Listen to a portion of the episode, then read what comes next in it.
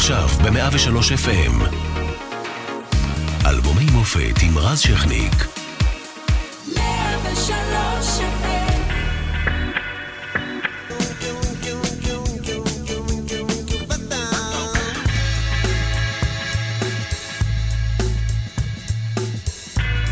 ב-1981 מנחם בגין מנצח בבחירות בפעם השנייה אחרי מערכת אה, סוערת שכוללת את נאום הצ'חצ'חים המפורסם של דודו טופז. ביוני מפציצה ישראל את הכור בעיראק במבצע מזהיר, הטלוויזיה הישראלית מפסיקה למחוק את הצבע והבית של הפיסטוק, של פיסטוק, עולה לאוויר. אריק איינשטיין, זיכרונו לברכה, רושם את הופעתו האחרונה בקיסריה. בעולם אה, מסתיים משבר בני ערובה באיראן, שיהפוך לסרט ארגו, שיזכה באוסקר, נכשל ניסיון ההתנגשות בנשיא ארצות הברית רונלד רייגן, ליידי דיאנה ספנסר מתחתנת עם הנסיך צ'ארלס, סאדאת נרצח, האיידס מתגלה רשמית, והרדיו הישראלי מתרגל לאלבום פורץ דרך. אמא, אני לא רוצה להיגמל, של להקת הקליק.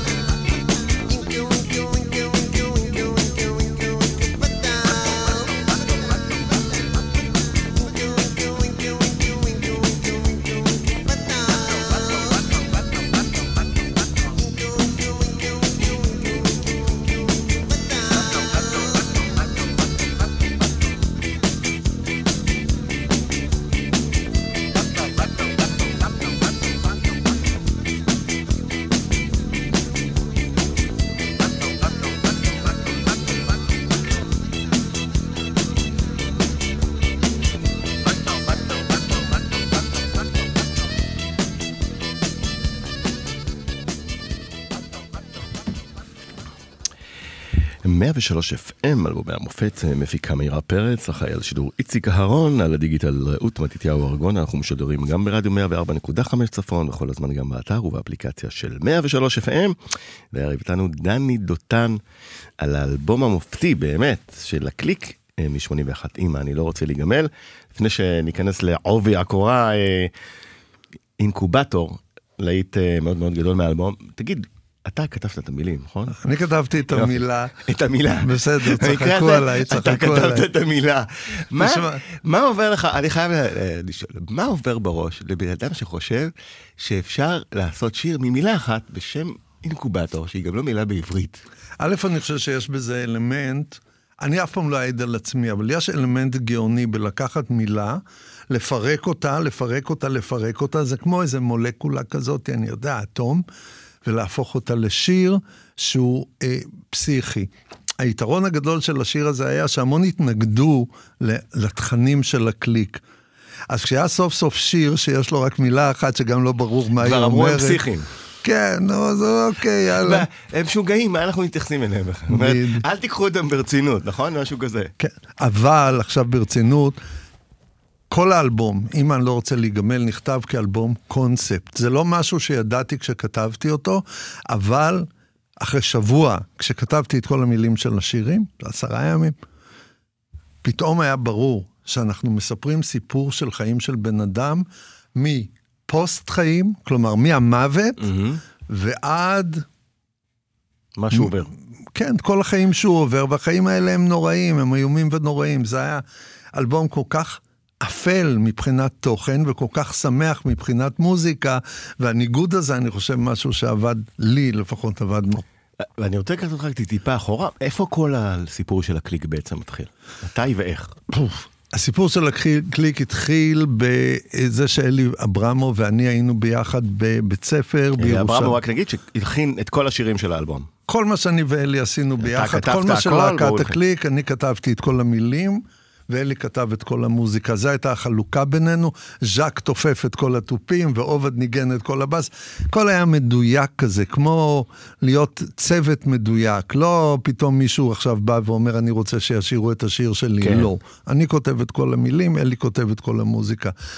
היינו בתיכון ביחד, נפגשנו כשהיינו בני 13 או משהו כזה. ישר ראינו אחד את השני כ... אנשים שיכולים להתחבר בגלל שפשוט לא סבלנו שום דבר שקרה מסביבנו. כן אהבנו סמים, כן אהבנו mm-hmm. חיים אה, מחוץ למסגרת, כן התחלנו לשמוע מוזיקה מאנגליה ובאמריקה, ומאוד מאוד לא אהבנו. אנחנו מדברים על שנות ה-70, אמצע שנות ה-70. מדברים, אנחנו על, אה, כן, תחילת כן. שנות ה-70. והתאחדתם, איחדתם כוחות, הבנתם שניכם שאתם מוזיקאים? הבנו שאנחנו מוזיקאים, לא בהצדקה גדולה, כי אוקיי. שנינו לא גדלנו בבתים מוזיקליים, אבל היה לנו משיכה למוזיקה, ומשיכה גדולה למוזיקה, והתחילו להופיע דברים מחוץ לארץ שפשוט היו... וואו. פיקדילי שם, בבית התקליט, כל זה? אנחנו ירושלמים. אה, אז פחות. אנחנו ירושלמים. כן, אבל, אבל אה, לא, לירושלים, אל תחשוב. עדיין היו עולים ירושלמים לבית התקליט. אה, נכון, אבל זה לא איך שהגיעה המוזיקה לירושלים. אוקיי. המוזיקה הגיעה לירושלים ב-1967, עם הכיבוש, שאז נחשב לדבר הכי נפלא שקרה. אנחנו... היינו הילדים שרצים לעיר העתיקה, ושם נפגשים לא רק עם החשיש של, אצבעות החשיש שאז נמכרו שם בחמש לירות, אני זוכר, אלא בעיקר עם אירוח. Mm-hmm. אירוח, כמו שאירוח ערבי אז היה. כנראה הם לא הבינו שאנחנו כובשים, אנחנו לא הבנו שאנחנו כובשים, כולם חגגו, ככה לפחות זו הייתה הרגשה שלי, היינו בני 13. והתיירים האמריקאים, שהיו צרכנים פסיכיים של סמים, ומוזיקה. צרכנים פסיכיים של סקס וצרכנים פסיכיים של מוזיקה. והם הביאו איתם מאמריקה תקליטים, ופתאום שמענו ון מוריסון, ושמענו ג'ימי הנדריקס, ושמענו הכל. היה חדש ונהדר, ולא שלא היה רדיו, היה ומתי פה... ומתי אתם יודעים שאתם מקימים להקה? אתה ואלי. אז הקמנו את להקה, אז הקמנו להקה שנקרא פולחן דיוניסוס. Mm-hmm. רצינו לעשות להקה שפשוט תשכפל את מה שקורה באמריקה ובאנגליה. למדנו בעל פה פחות או יותר את השירים שאפשר היה ללמוד, mm-hmm. וואי, די, די מילים מחורטטות וזה, ושרנו שירים של הנדריקס, ו... ושרנו, פשוט כל מה ששמענו. ואז חברות תקליטים התחילו לעקוב, לראות, כלום, כלום, כלום. תקליטים לא הסתכלה עליהם. אתם פניתם? פולחן דיוניסוס הייתה, אה, נשלטה על ידי אדם שנקרא לופס סואסו, הוא היה המרגן. אללי, איזה שם. לא, הוא היה המרגן כמו ברון אה, סתמים ממקסיקו. וזה מה שהוא היה, הוא היה קרוב משפחה של מלך ספרד לטענתו. אוקיי. והקרוב משפחה הזה של מלך ספרד, היו לו איזה 17 להקות. כל להקה ידעה לשיר פחות או יותר שני שירים. ואז היה לו אוטובוס, ובאוטובוס האלה נסעו מיטב המוזיקאים הירושלמים אה, להופעות. וזה היה מאוד מאוד חזק, מאוד מאוד אחר, מאוד מאוד מיוחד. והיינו קטנים. אז שמה בעצם התחילה ההרגשה שאנחנו יכולים לעשות מוזיקה. לא יכלו לקחת את זה לשום מקום, כמובן. אז נסענו לאנגליה, צבא, עניינים, עזוב, סיפור מסובך וארוך. כשנפגשנו שוב... בארץ, סוף שנות ה-70, 78, 9? נפגשנו, היינו בני 25, mm-hmm. כן, 77.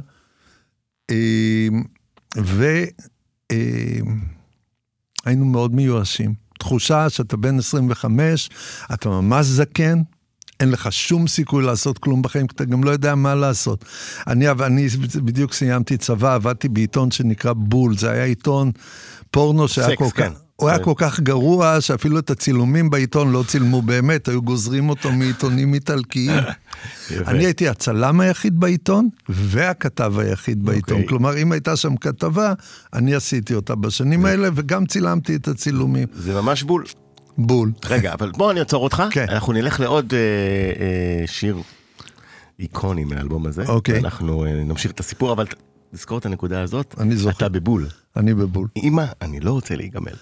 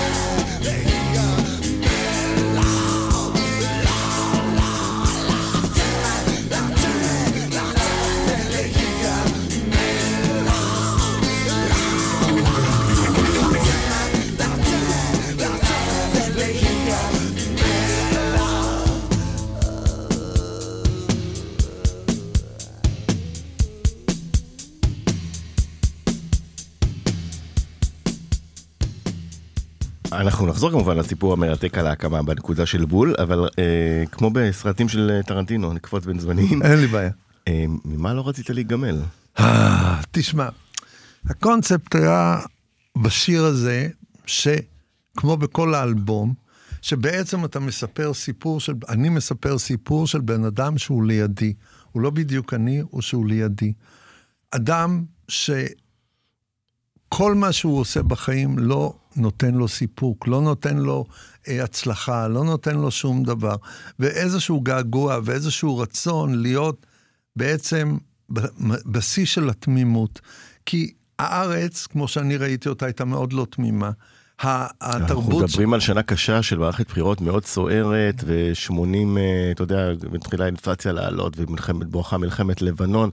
מצב לא מי יודע מה, למרות שהייתה אופוריה, כי סאדאת הגיע והיה שלום במצרים, ואז היא נשברה כי סאדאת נרצח. נכון. אני הרגשתי, אבל זה מעבר ל... לא הרגשתי כל כך את ה...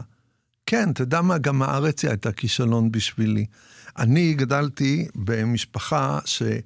אה, היה לי סבא וסבתא כי הנאצים הרגו אותם, אז כאילו הקונספט של משפחה הוא בכלל היה מוזר אצלנו.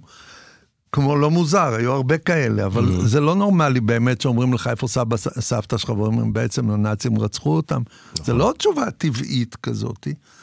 אמ, כל מה שקרה. אז את אומרת להיגמל זה לא literally דווקא מסמים, אלכוהול. גם מסמים, גם, כן, אבל, גם אבל מסמים, זה, בהחלט, הקונספט, בהחלט, אני לא רוצה בהחלט. להיגמל ממה. אנחנו עישנו הרבה, ב, בירושלים עשינו הרבה אה, חשיש שהיה מעורבב באופיום, ועשינו אה, טריפים.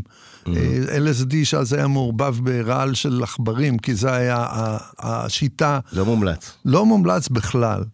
באמת לא מומלץ, אה, אבל זה לא רק, זה לא היה עניין של סמים, זה היה עניין של להיגמל להפך, מתחושת התמימות. אני mm. הרגשתי שזה מתחושת המוגנות, שאף פעם, אף יום בחיים שלי בתור בן אדם, לא הרגשתי בארץ. את הדבר הפשוט הזה של מוגנות. ואני חוזר איתך שוב אחורה, אמרנו, היית אה, הכתב והצלם של בול. כן. אה, כן. אלי, אלי, אתה כבר מכיר את אלי, אחרי בית ספר חזרתם אה, מלונדון, מטיולים. גם גרנו ביחד, הכל עשינו ביחד. כן, באמת עשינו הכל ביחד. ויום אחד אלי אמר לי, די, דני, בוא נעשה, בוא נעשה כמו שצריך לעשות. מוזיקה. ניסינו בהתחלה קצת להיות, להישמע ישראלים. אבל משהו בתוך האופי שלנו לא הצליח כל כך לעשות את זה. אני זוכר, דרך אגב, אה, אבא של אה, אסף אמדורסקי. בני. בני אמדורסקי, זיכרונו לברכה. שהיה גבר מאוד נאה ועם קול כזה יפה וכן הלאה, והוא בא, יום אחד בא לשמוע את ה, אותי ואת אלי שרים, כשעוד היינו להקת אה, אה, פולחן דיוס. פולחן דיונוסיס. כן. כן. והוא אמר לי, אתה אף פעם לא תהיה זמר. עכשיו, אסף, אני ממש אוהב אותו, ממש אוהב אותו. איזה עידוד. כן, הוא אמר לי, אתה אף פעם לא תהיה זמר. משהו אצלך משובש. יכול להיות שאתה יכול להיות זמר, אבל פה בארץ, עם כל מה שיש, אין לך סיכוי. נדמה לי, אני לא חושב שסיפרתי את זה לאסף אי פעם, נדמה לי שזה היה הדבר שהכי הניע אותי, המנוע. להיות זמר, ברור. כן, כי אני בן אדם שפועל על... כשאומרים לי אתה לא יכול, אני מתחיל לרצות. הפוך. כשאומרים לי אתה רוצה, אתה יכול, אז זה לא. בקיצור, אמרתי לאלי, די, אלי, בוא נעשה דבר, אם אנחנו עושים דבר, בוא נעשה דבר שהוא... הוא כמו שאנחנו מדמיינים. עד הסוף, טוטאלי. טוטאלי לגמרי, כמו שאנחנו מאמינים. הוא אמר לי, וזו הפעם הראשונה שאנחנו לא גרנו ביחד בתל אביב. גרנו מרחק תגיד 500 מטר אחד מהשני, לא היה אז טלפונים סלולריים, לא היה פייסטיים כמובן ולא שום דבר. אמרת לו, אני מרים לך טלפון כל יום עם שיר. אם אתה, כל יום שאתה כותב שיר, אני מרים לך טלפון למחרת עם שיר חדש. ככה נעשה אלבום. וזה היה, היינו יכולים להיפגש והיינו יכולים, לא. הוא גר במקום אחד, כן. ואיך צירפתם את החברים האחרים? קודם כל היו לנו שירים. Mm-hmm. קודם כל היו לנו שירים. ואז התחלנו לנגן. ואז, אני לא יודע איך זה קרה, יום אחד טלפן אלינו ז'אן ז'אק גולדברג, שבדיוק יצא בכלא, יצא מהכלא בגרמניה. שכבר אז נחשב... אה, הוא ממש לא נחשב לשום דבר. לא, אבל בתחומו שלו, כבר בהתחלת דרכו. היה? תחומו היה להיות בכלא בגרמניה, תאמין לי. אוקיי. לא היה לו שום תחום. אני מתבסס על ארכיונים, אתה המציאות, אז אני משאר איתך קו. סבבה, לא, אני לא יודע מה זה ארכיונים, אבל אני אגיד לך חד משמעית, אבסולוטית, הלהקה שג'אן, אה, שז'אק התחיל בה הייתה הקליק. Mm-hmm.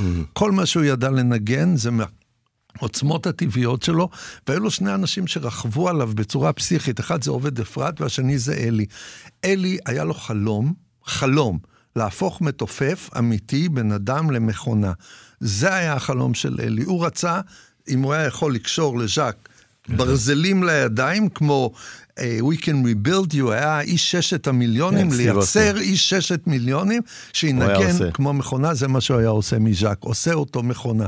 והוא רצה את עובד, שהיה בכלל גיטריסט, שהתחיל כגיטריסט קלאסי וזה. הוא רצה את עובד כמכונה על הבאס, עובד לא היה בסיסט. אלי היה לו vision של להקה של מכונות, שכולם מנגנים ושרים כמו מכונות. ואתה שואל איך הוא הגיע. היה טלפון, ז'אן ז'אק גולדברג על הקו, שלום, שלום. אני שמעתי, אתם מחפשים מתופף. אוקיי, אני אומר לו, איפה התופים שלך? בוא ניפגש, ועל התופים. בעיה, אין לי תופים, אין לך תופים, מה יש לנו לעשות איתך? כל נגן צריך שיהיה לו. זה יפה, זה מתופף בלי תופים. מתופף, בלי תופים. כמו קודם, אנחנו נזכרים בנקודה הזאת, קהות חושים בבקשה. שמעתי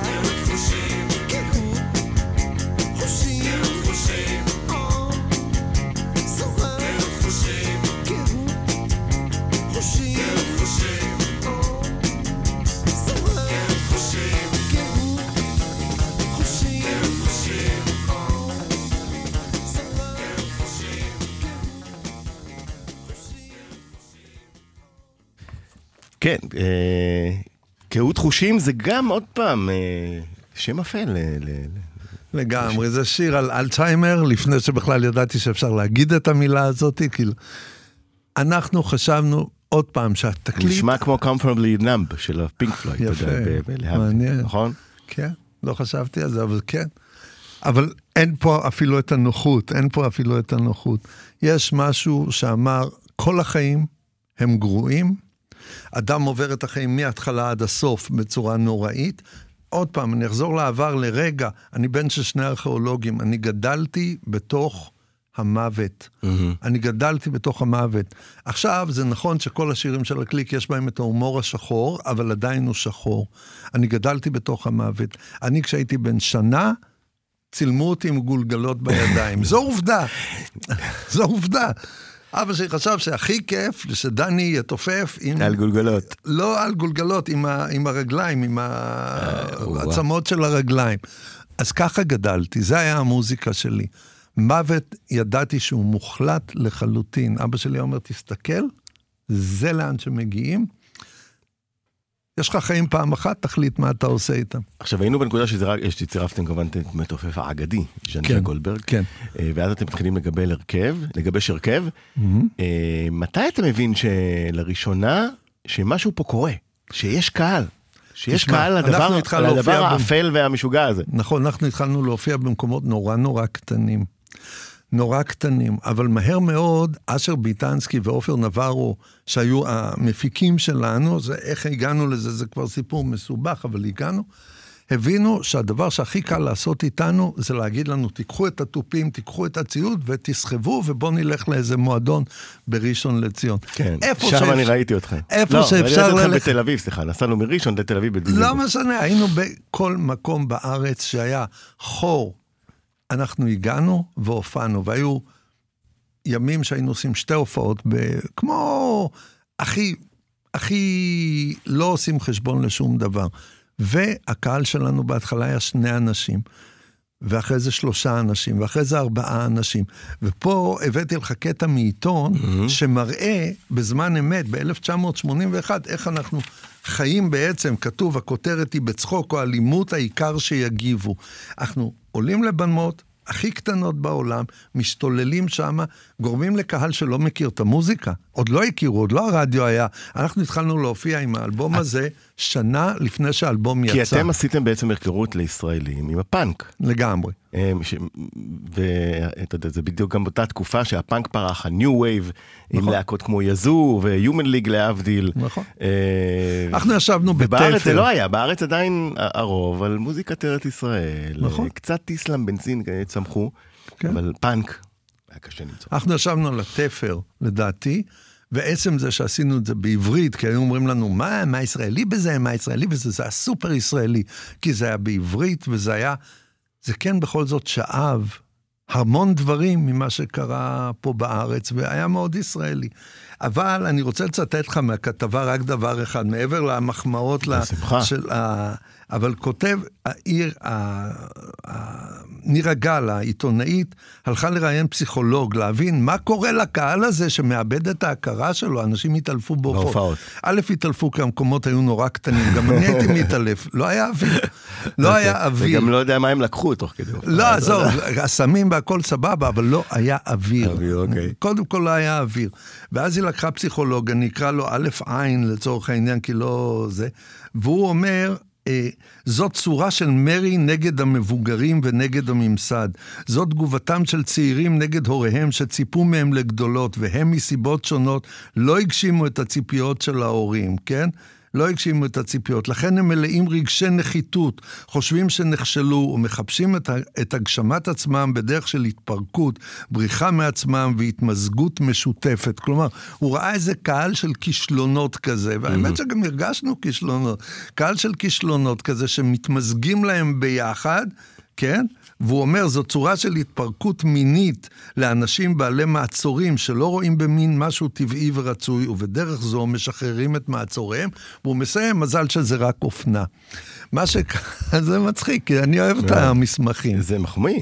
כן, לגמרי, לגמרי. בקיצור, פתאום, בעצם הרגע ההבדל... התחיל להיות קהל. התחיל להיות קהל. מצאנו את עצמנו מופיעים לפני 50 אנשים, ופתאום היו 100 אנשים, ופתאום היו שתי הופעות אחת אחרי השנייה, ופתחו מין כל מיני...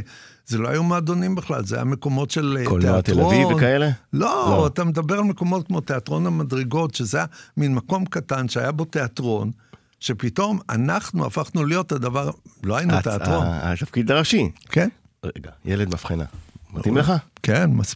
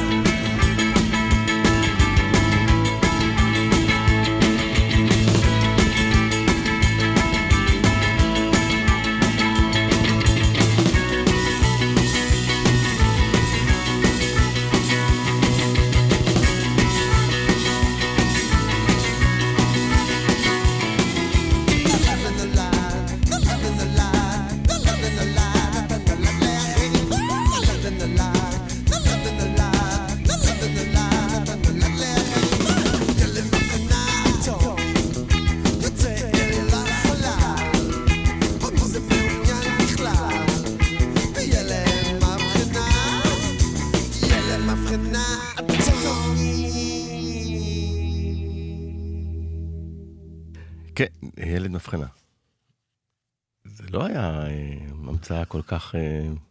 לא, אז, ברגע כן. הזה התחילו לייצר ילדי מבחנה. כן. עכשיו, לי זה התחבר מצוין לכל הסיפור. לייצר, ש... כן. התחילו לייצר, ואמרתי, אוקיי, מעולם מושלם.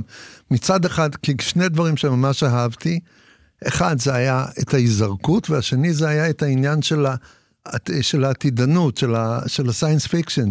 מדע בדיוני. כן, ואנחנו מדברים על אה, ממש אה, קצת לפני שהמחשבים האישיים פורצים. לא היו שום שלוש, מחשבים אישיים, איזה לא. מחשבים. 80 לא.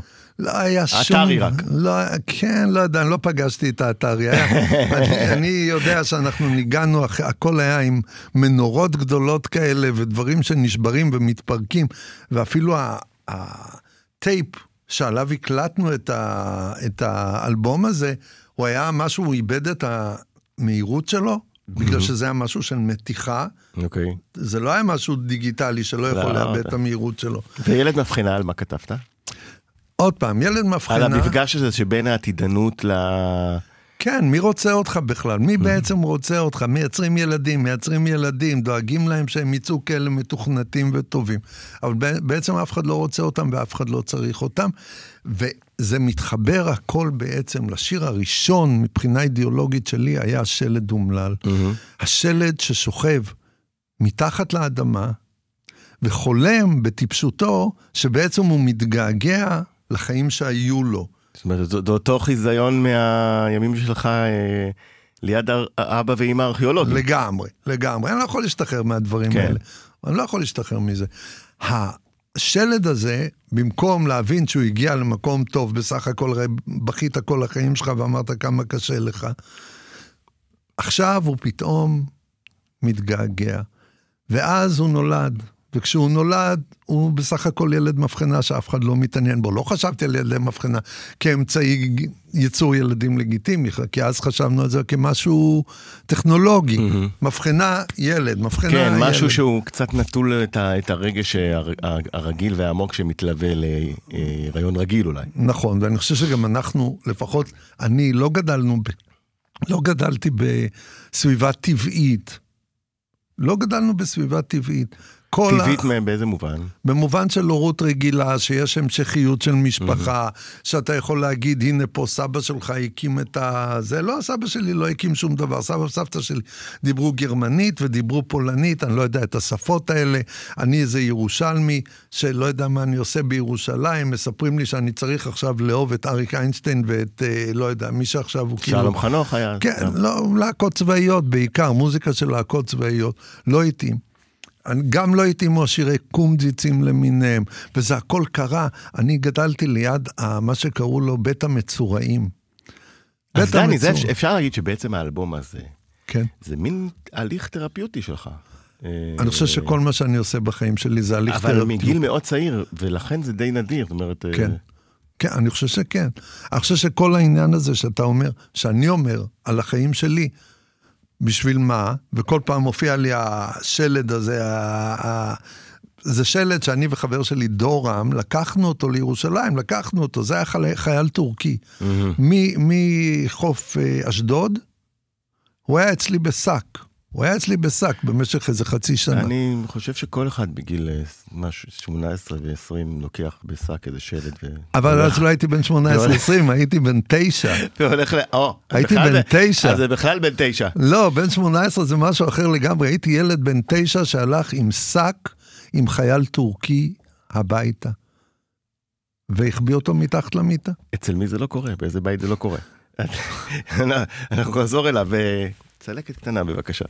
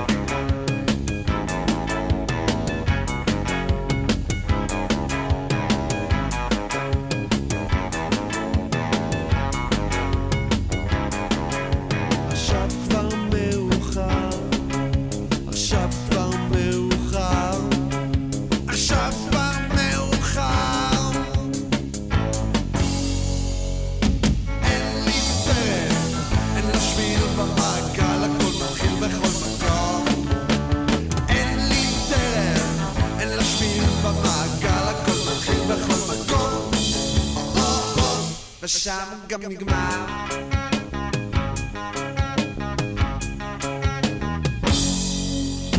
אין לי דרך, אין לה שביל במעגל, הכל מתחיל בכל מקום. אין לי דרך, אין לה שביל במעגל, הכל מתחיל בכל מקום. ושם גם נגמר. נגמר. צלקת קטנה. חושב שזה בעצם שיר האהבה היחיד בתקליט, אבל זה גם לגיטימי שבמסע האפל הזה יהיה שיר אהבה פשוט, אה, רגעי כזה. אה, אהבתי מאוד לשיר אותו, היו לנו כמה ביצועים שלו. כן. אה, והבנתם מההתחלה שאתם עושים מוזיקת פאנק? ידעתם להגדיר אותה, או פשוט זה מה שעשיתם ואז...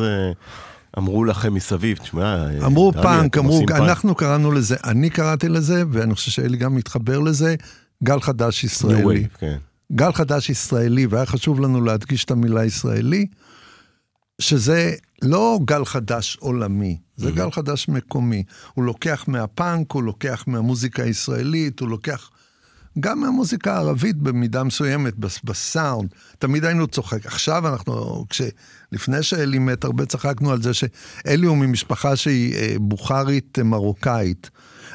אז היינו אומרים בעצם אנחנו שילוב של מזרח ומערב אמיתי, זה כאילו הבחירה של המוזיקה היא לא משהו שהוא כזה, אני עושה מוזיקה אשכנזית, אני עושה מוזיקה רוסית, אני עושה מזרחית, אלא אנחנו עושים פיוז'ן של מה, ש, מה שאנחנו, מה שאנחנו, מה שאנחנו אוהבים. וככה יצא הקליק בעצם. זה יצא יפה.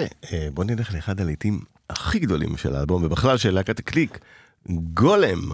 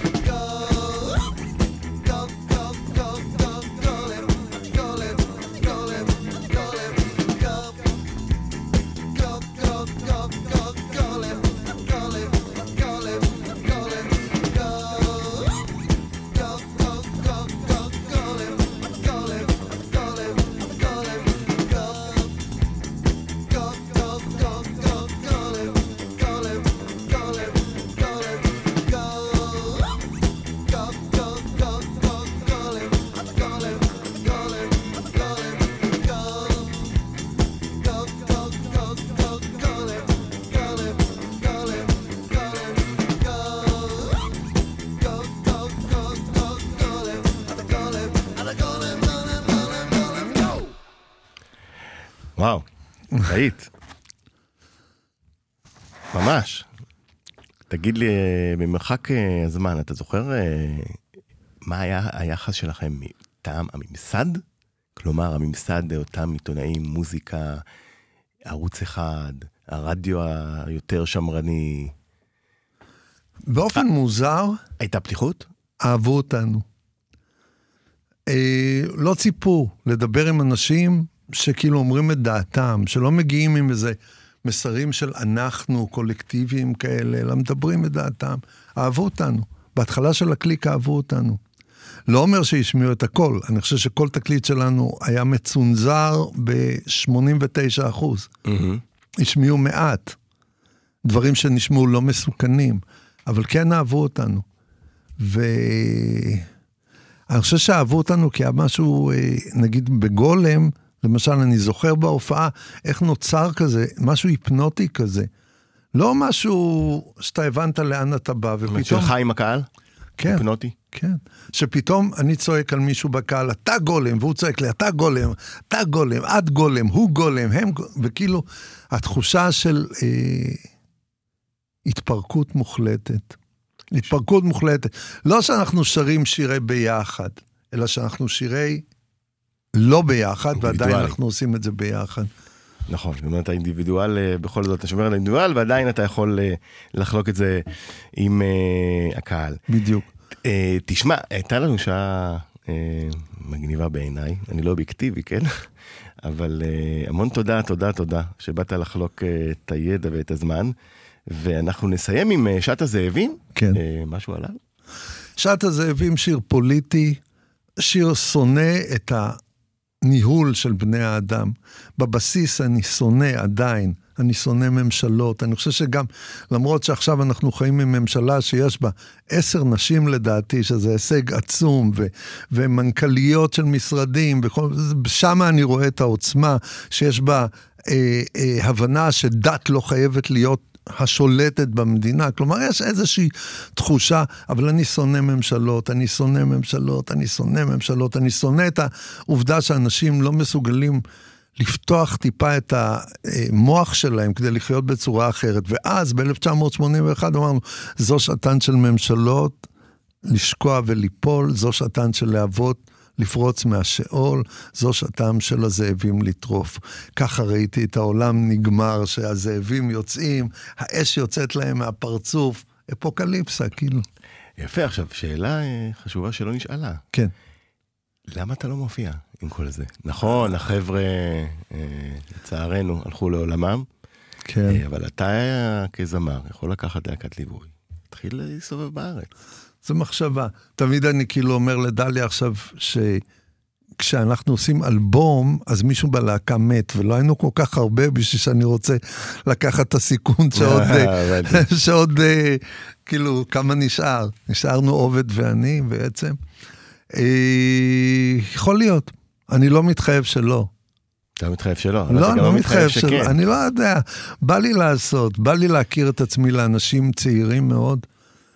אה, בא לי שהרדיו יהיה פתוח לקליק. אז קדימה, בוא נשלח את אה, מה שנקרא, שלח לחמנו מפה. אוקיי. וכל מי שבתעשיית המוזיקה אה, מקשיב ככה פה ושם בתוכנית, אז הנה, דני דותן רוצה לחזור לבמות עם החומרים המעולים שלו ועם נגנים טובים. יאללה, טוב, זה אתה אמרת, שיבוא מישהו, אני אדבר איתו. אנחנו בעד. אז מעולה. אה, דני, המון המון תודה שהגעת לכאן. תודה, תודה. אה, לך. נזכיר לכם, המאזינים, שיש לנו אה, שעה שלמה גם על האלבום השני של הקליק, היא בספרייה הדיגיטלית שלנו. הוא היה לא פחות טוב, יש שיגידו יותר אפילו, אז תוכלו לשמוע אותו גם שם. אז תודה רבה, שעת הזאבים, להתראות. להתראות.